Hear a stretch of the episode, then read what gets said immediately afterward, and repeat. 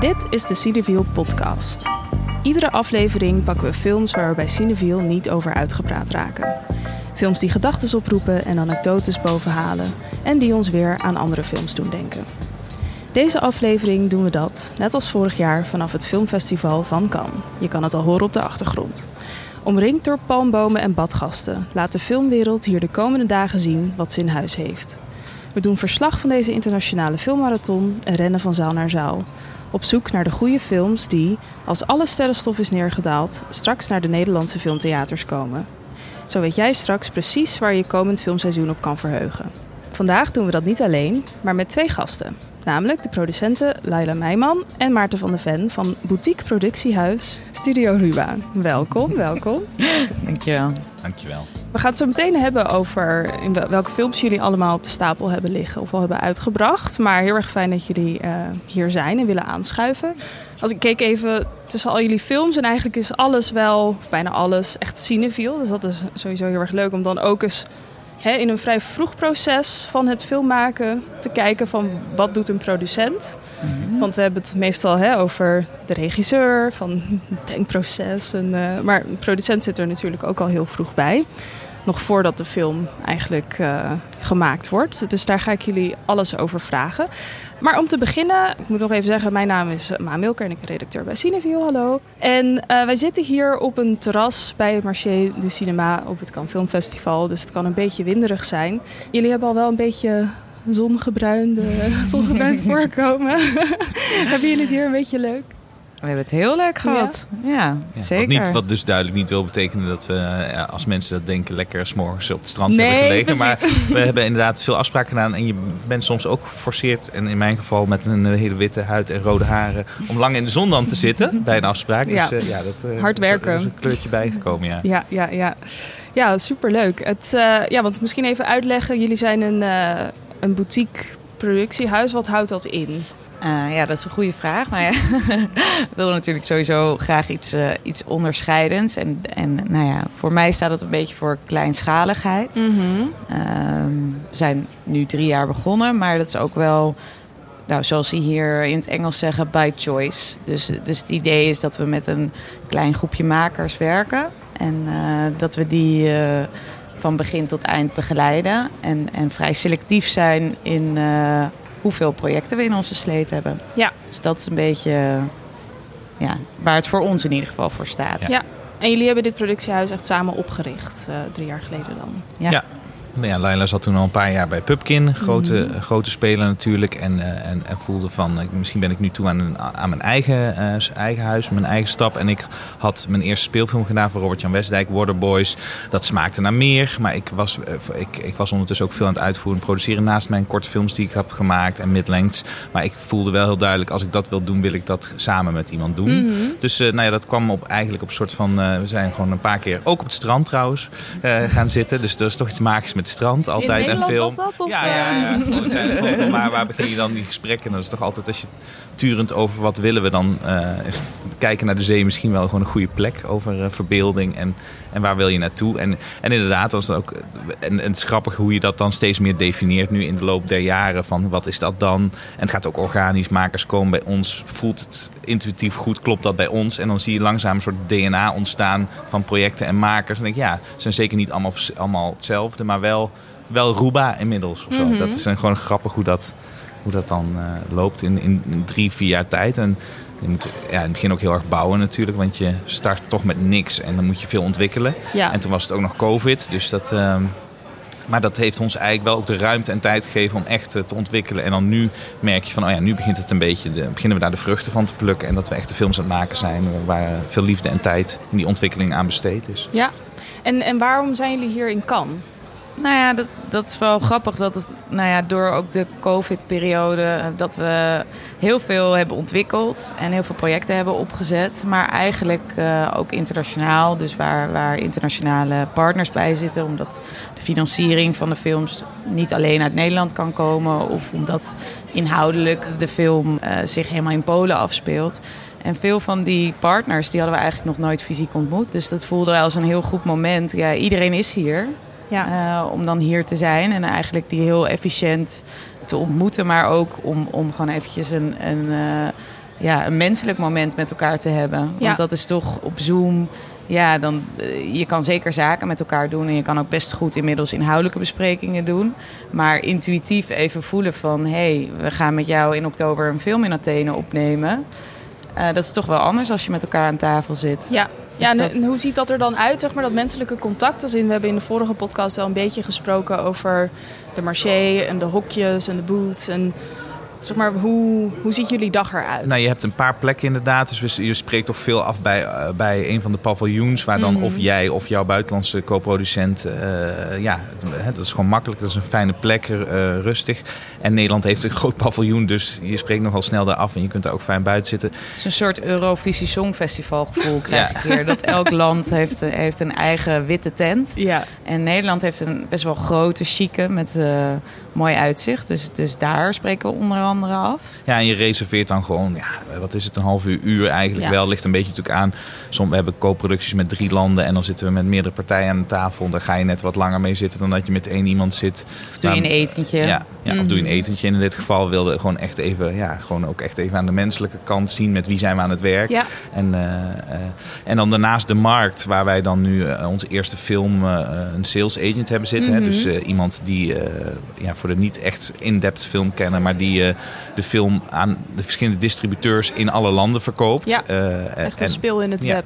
ja, en die, eh, nou die, die, die zijn we ook voor het eerst hier gaan zien natuurlijk. Nadat we ze onze, onze baby hebben gegeven. En dan, en dan ook met hun bespreken. Oké, waar gaan we nu op inzetten qua festivals? Wat zou het beste zijn voor het leven van de film? Ja. Ehm, ja, dus dat, dat is dan de andere kant. Dat is meer dan echt de marktkant. En eh, ja, daar kom je als producent minder natuurlijk. Want dat is echt, daar komen inderdaad de kopers en de verkopers. En zij hebben ook iets minder tijd natuurlijk. Want ze moeten verkopen natuurlijk voor jou.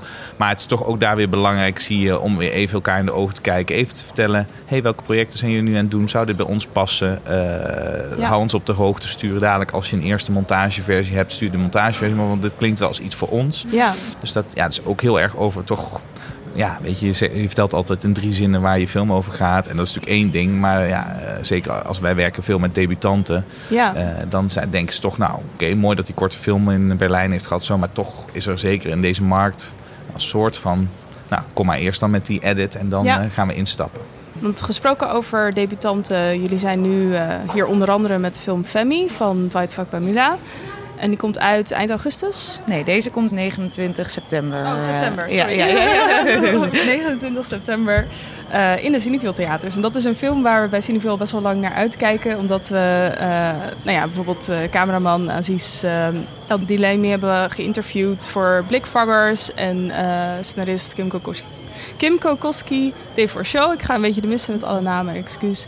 En uh, die, die film, hè, in, in die interviews was het de hele tijd van... nee, we willen zo graag, maar lockdown en covid en zo. En dan is het zo geweldig. Ik liep hier door de marché en ik was aan het filmen. En toen zag ik zo die poster opeens. En ik had echt zelf zo'n soort ontlading van... Yay, hij is er, de film Wat is lief. er. Dat is voor ons natuurlijk ook zo. Dat het toch Ja. wel... We hebben het ook naar Dwight gestuurd, gewoon zo'n foto. En, en, eh, en eigenlijk ook wel mooi dat het een foto is. Want het is ook altijd hard als je hier door die markt heen loopt. Tussen al die posters. Ja. Maar juist even van, hé, hey, je bent er, weet Ja, je wel. Dat precies, is toch ook ja. een soort van, na jaren van werken, toch een moment. Ja. En, eh, ja. Ja, want misschien kunnen jullie wat meer over die film vertellen.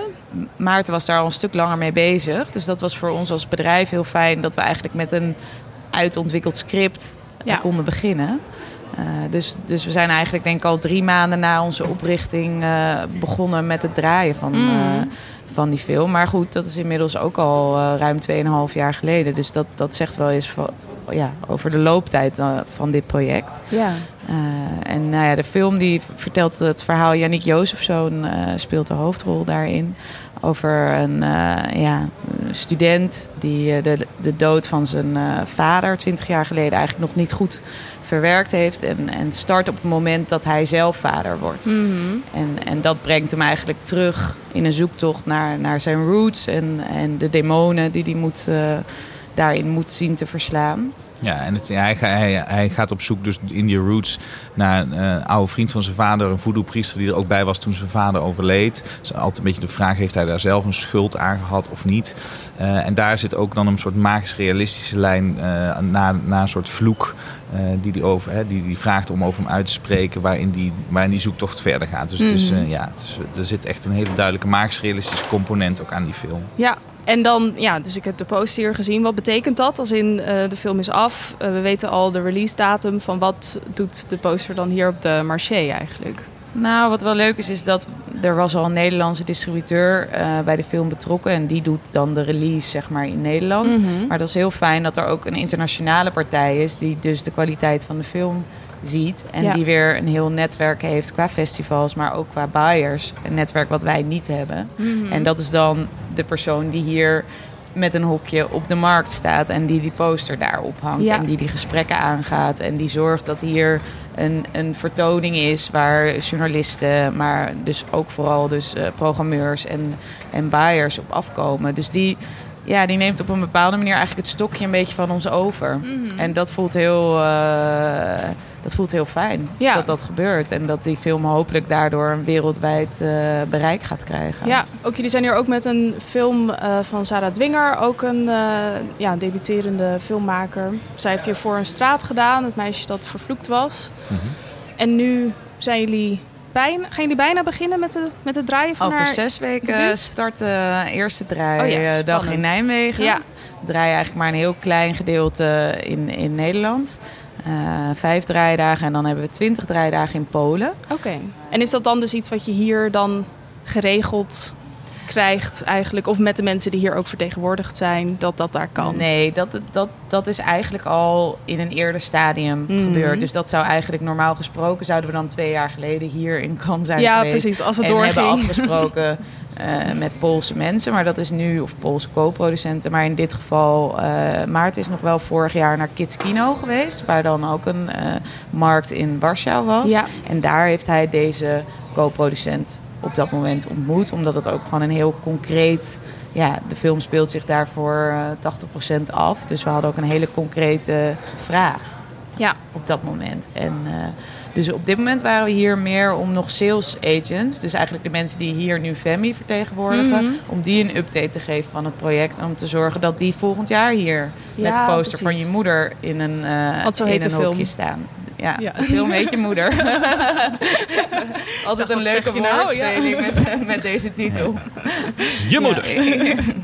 Maar het is dus op zich geen zelf, vanzelfsprekendheid dat je per project met dezelfde mensen samenwerkt dan hier bijvoorbeeld op de marché. Eh, aan, de, aan de verkoopkant bedoel je? ja, Nee, dat, is- dat is grappig. Ik zat er toevallig over na te denken nu. Van, wij proberen natuurlijk, natuurlijk ook aan de zakenkant proberen langdurige relaties op te bouwen. Mhm. Alleen is het wel zo dat ik wel denk dat hoewel onze projecten ergens ons DNA hebben, toch allemaal dan net zo verschillend zijn dat je toch echt goed kijkt van wie past er bij dit soort past er bij deze film. Ja. Eh, we hebben een prachtige mozaïekfilm van Aaron Rokers, de Idylle.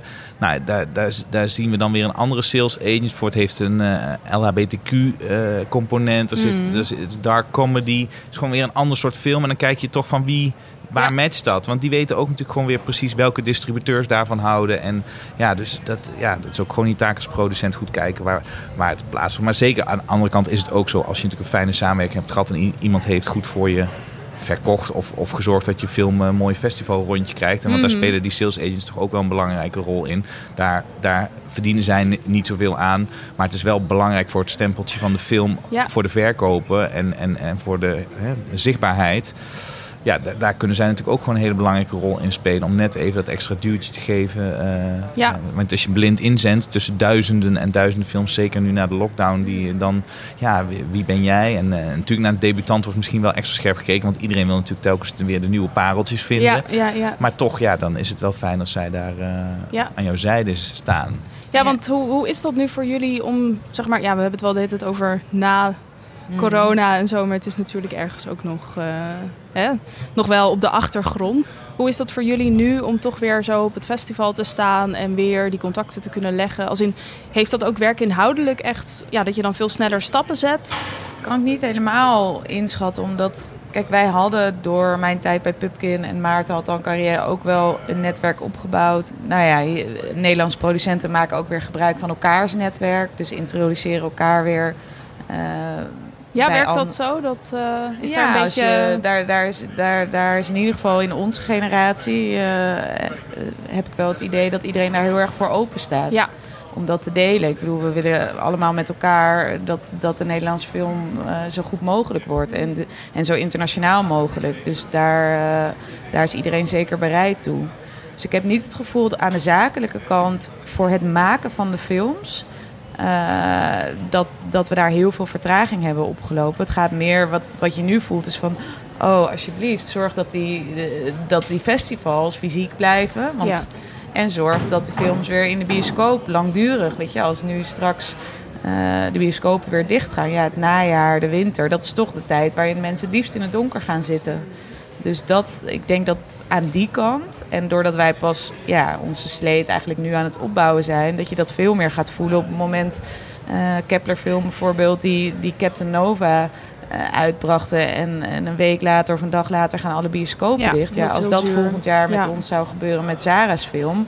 Ja, dus dat hoop ik. denk dat, dat, dat daar de grootste winst ja. uh, nog zit. En staat er ook echt wat op het spel, om het zo te zeggen? Als in als je bij wijze van spreken van stel je hebt een gesprek met iemand en je loopt eruit en je denkt nou dat ging echt zo slecht. Zijn er ook grote gevolgen aan verbonden potentieel? Of is het eigenlijk al zo dat dingen al wel een beetje beklonken zijn? Of dat het echt meer gaat om het uh, contact te onderhouden dan dat het echt gaat om die deals sluiten en dat het ook kan mislukken bij wijze van spreken? Ja, we gaan natuurlijk wel langdurige relaties met mensen aan. Dus het is niet dat we hier een deal over het algemeen echt aan het sluiten zijn. Nee. Dat, dat volgt toch later. Mm -hmm. uh, en volgt dat dan... dan... per mail? Of uh, weet je wel, als in hoe, hoe is die communicatie dan? Ja, ik denk dat, dat, dat je dan mogelijk nog een Zoom uh, hebt en, en een contract gaat ja. meestal wel per mail. Ja. Dus ik, ik denk dat je hier wel het gevoel kan hebben van... oké, we hebben nu de film nog beter op de kaart gezet. Mm -hmm. En volgens mij kunnen we de deal nu gaan sluiten. En je kan misschien ook het gevoel hebben... we hebben de film zeker niet beter op de kaart gezet... en deze persoon gaat hier niet aan meewerken. Ja. Uh, en dat voel je toch beter als je met iemand aan tafel ja. zit... dan dat als iemand achter een schermpje zit... en misschien nog even heel beleefd... Uh, ja, ik bedoel, wij Nederlanders zijn natuurlijk vrij direct. Ja. Maar dat geldt niet voor, voor alle partijen. Ja. ja. Ja. merk je dat echt in, in het internationaal contact? Dat je misschien ook je soms een beetje moet aanpassen op basis van uh, het land waar je mee communiceert? Ja, natuurlijk, natuurlijk. En dat proberen we zo goed mogelijk te doen. Maar het is grappig dat je toch ook wel vaak probeert landen uit te zoeken waarmee je... Uh, uh, nou, nee, nee, je wil, je wil ook van elkaar leren of zo. Maar mm. het is toch ook, merk ook wel van, als we dan zeggen intuïtief, ook zo na zo'n vier dagen van met wie hebben we nou het meeste klik of zo. Dan merk je toch dat dat de mensen zijn waar een soort van energie zit en een humor ook. Wat ja. ook fijn is, weet je. We moeten soms echt door taaie processen heen van jaren met veel risico's mm. en zo. Ja, dus dan moet je wel weten van, uh, ja, wie heb je dan aan tafel? Is het ook fijn als er af en toe even een soort van even druk van de ketel kan door een goede grap. Of, ja, nou, of die directheid die we, ja, ja, dat is toch lastig om dat uit te schakelen. Maar uh, zeker, het is zeker zo dat als je met Engelsen werkt of, uh, of met Vlamingen bijvoorbeeld, mm. hè, dat je toch wel uh, snapt van, oh ja, hier moet ik toch een iets andere codetaal spreken. En, nou, en lezen ja, ook En soms. lezen, ja. ja. Misschien zegt iemand geen nee, maar bedoelt ja. hij wel nee. Oh ja, ja, ja. ja, ja, ja, ja Dan denk je van, yes, ik heb hem binnen. En dan kijk je even goed in de ogen en dan denk je, oh nee, oeps. Dat, ja. Ik denk dat dat, uh, dat dat is toch anders als je elkaar fysiek ja. ziet. En ook ja, hoe, hoe kijkt iemand naar de inhoud van je film.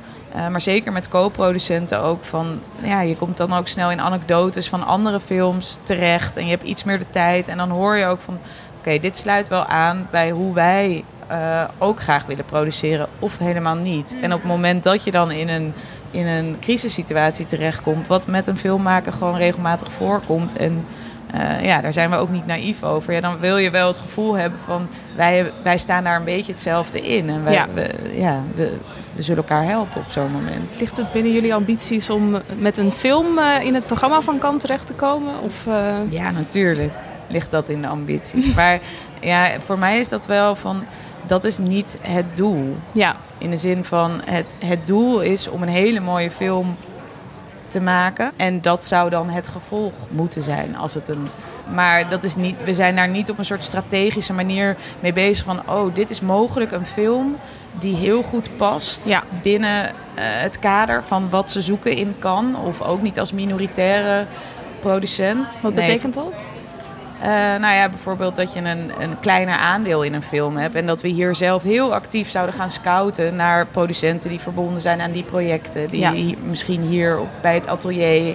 Uh, wat, wat eigenlijk meer een, uh, ja, een, een ontwikkelingsmarkt waar, waar, waar films die nog in ontwikkeling zijn, worden gepresenteerd. Dat we daar heel actief nu naar aan het scouten zijn. Ja. Dat is niet. Ik zou me kunnen voorstellen dat het in de toekomst wel zou ontstaan. Maar op dit moment komt eigenlijk alles bij ons vrij organisch tot stand. Dat we geïntroduceerd worden aan mensen en, en projecten. En dan denken, hé, hey, dit past bij ons en dit klikt. Ja. Uh, ja. Maar we zijn er ook wel ons van bewust. Dat is natuurlijk zo dat het soort films wat wij willen maken, auteurgedreven films, waarbij wij zeker wel oog hebben voor een publiek, wat vaak Mhm. niet de massa zal zijn, dat, je, dat die kwaliteitsstempel op een gegeven moment, Ja. dat, dat, dat dat belangrijk is. Ik had het, we hadden het er van de week nog over, dat je toch ziet, er zijn producenten die soms maar één keer een film hier hebben gehad Ja. of zo. En die kunnen daar jaren, ja, dat, is, dat Ja. geeft toch een soort van eh kwaliteitsstempel. Kunnen ze na misschien drie films maken die, die hier niet komen, maar dan, Ja. die, dat verlies je nooit meer. Dus daar Nee. zit wel een waarde aan. En dat Mhm. opent ook weer deuren voor je andere projecten. Ja, Ja. precies. Dus ja. we zouden gek zijn als we zouden zeggen: nee, hoor, dat vinden wij helemaal niet belangrijk. Ja, ja. En daarnaast draai je hier prachtige dingen. Dus Ja. als je daartussen staat, nou, dan heb je wel iets goed gedaan. Ja, nou, dat is een mooi bruggetje naar de prijsvraag die ik eventjes eh, ga introduceren. Want we hebben hier in Cannes een prachtige shop in het winkeltje. En dat kan jij, de luisteraar, allemaal winnen. We hebben een goodie bag, we hebben notitieboekjes, een pen. Ehm, en daarvoor moet je de volgende vraag beantwoorden. Namelijk, welke ster of welke persoon zou jij hier op Cannes graag een keer willen tegenkomen? En je kan het antwoord mailen met de uitleg waarom naar podcast.cineviel.nl. Ik, eh, ik ben weer wat wijzer geworden over wat je hier eh, als producent kan doen op kan. Want het was voor mij een beetje abstract. Ik had er een beetje zo'n idee bij. Je ziet hier in de zee, zie je zo van die hele grote jachten. En daar waar soms een helikopter af en aan komt gevlogen. En daar wordt dan over gezegd van... Ja, er zijn zeg maar de mega-producenten uit Amerika en zo, weet je. Al die... Zou best kunnen. Ik heb daar nog nooit... Het moment dat we daar aanschuiven, dan, Ja, dan schrijven we hier graag ook nog een keer aan. Ja, ja, ja. Het is iets minder glamorous Ja. nog eh, voor ons. Maar, maar aan de andere kant zijn dit wel een soort van... ook wel de kersen op de taart. Ja, Eh, we zeker. moeten daar ook weer niet eh, Ja, normaal over doen. Het Nee. is natuurlijk een onwijs privilege... dat we hier Ja. mogen zitten met zulke mooie projecten. En een energy mensen. boost ook. Ja, Ja, precies. Ja, en ja, ook misschien wat inspiratie. Ja, dat is misschien Ja. nog wel een leuke laatste vraag. Van zijn jullie iets, is er iets gebeurd in de afgelopen vier dagen waarvan je, hè, qua inspiratie of qua leuke gebeurtenis, waarvan je dacht van nou, dat had ik echt nooit kunnen verzinnen, maar ik ben zo blij dat het is gebeurd. gebeurd. Wat heel leuk was, was ik zit hier ook in een ACE mentoring programma. En daar, eh, dat is een hele coole Duitse producent die, die mij daarin coacht. En daar hadden we een heel leuk gesprek mee. En over de financiering van een film. En vervolgens, vijf minuten later, lopen we per ongeluk eigenlijk de persoon die zij aan ons had aangeraden tegen het lijf. Hebben een heel leuk gesprek mee. Ja, En eh, nou ja, zien we nu opeens weer een opening voor die film om, om een leven in Duitsland te krijgen. Dus Ja. dat, ja, dat hadden we niet kunnen bedenken. Dat dat op dit moment zat niet in onze strategie. Maar dat die dingen zo makkelijk samenkomen. Dus nou, dat Ja. was één van. En dan, eh, nou, dan voeg ik ook nog iets toe. Ik vind het ook weer toffer zijn van de week met een generatie soort van jonge producenten gaan eten. En die zien we ook. En ook weer echt het gevoel van... eh, ja, natuurlijk zijn we in een bepaalde manier elkaars concurrenten. Hè. Nederland is een klein Mhm. land. Maar eigenlijk hoeveel... eh, liefde er tussen elkaar zit om elkaar te helpen. Om, om, om, om gezamenlijk alles op een hoger niveau te krijgen. En Nederland eindelijk echt is. Hè, eh, Borgman is alweer tien jaar geleden, daarvoor twintig jaar. ja. Nou, niet dat kan dan dus het enige heiligdom is, maar om gewoon te denken van we moeten, wij moeten, wij zijn als het. nieuwe generatie Ja. moeten weer zorgen met elkaar dat er een paar films, hè, net zoals Ja. de Belgen die teren nog steeds op die let's fight for it. Ja. nee, zeker. Nou, ik, eh, ik ben heel erg benieuwd. En wie weet zijn we weer over een paar jaar, misschien nog volgend jaar, je weet het niet hoe snel het gaat. eh, ja. En dat we dan inderdaad met trots zeggen van... nou, er is een film van Studio Nubaudius te zien op kan. Ik Wie een mooie afsluiting. Dankjewel. Dankjewel. nou, dat was hem weer. De tweede Cineview podcast vanaf het filmfestival van Cannes. Wil je nog even nalezen welke films er ter sprake kwamen? Check de show notes op onze website. Wil je op de hoogte blijven van alles wat er speelt? Schrijf je dan in voor de nieuwsbrief. Wil je meekletsen of heb je vragen? Je kan ons mailen op podcast.cineview.nl. En dat is dus ook het e-mailadres waar je het antwoord voor de prijsvraag naartoe kan sturen. Tweeten kan via @cinevielpot. En bedankt voor het luisteren. En dankjewel Laila en dankjewel Maarten. Jij bedankt. We zijn er snel weer met een nieuw verslag vanuit Kan. Doei!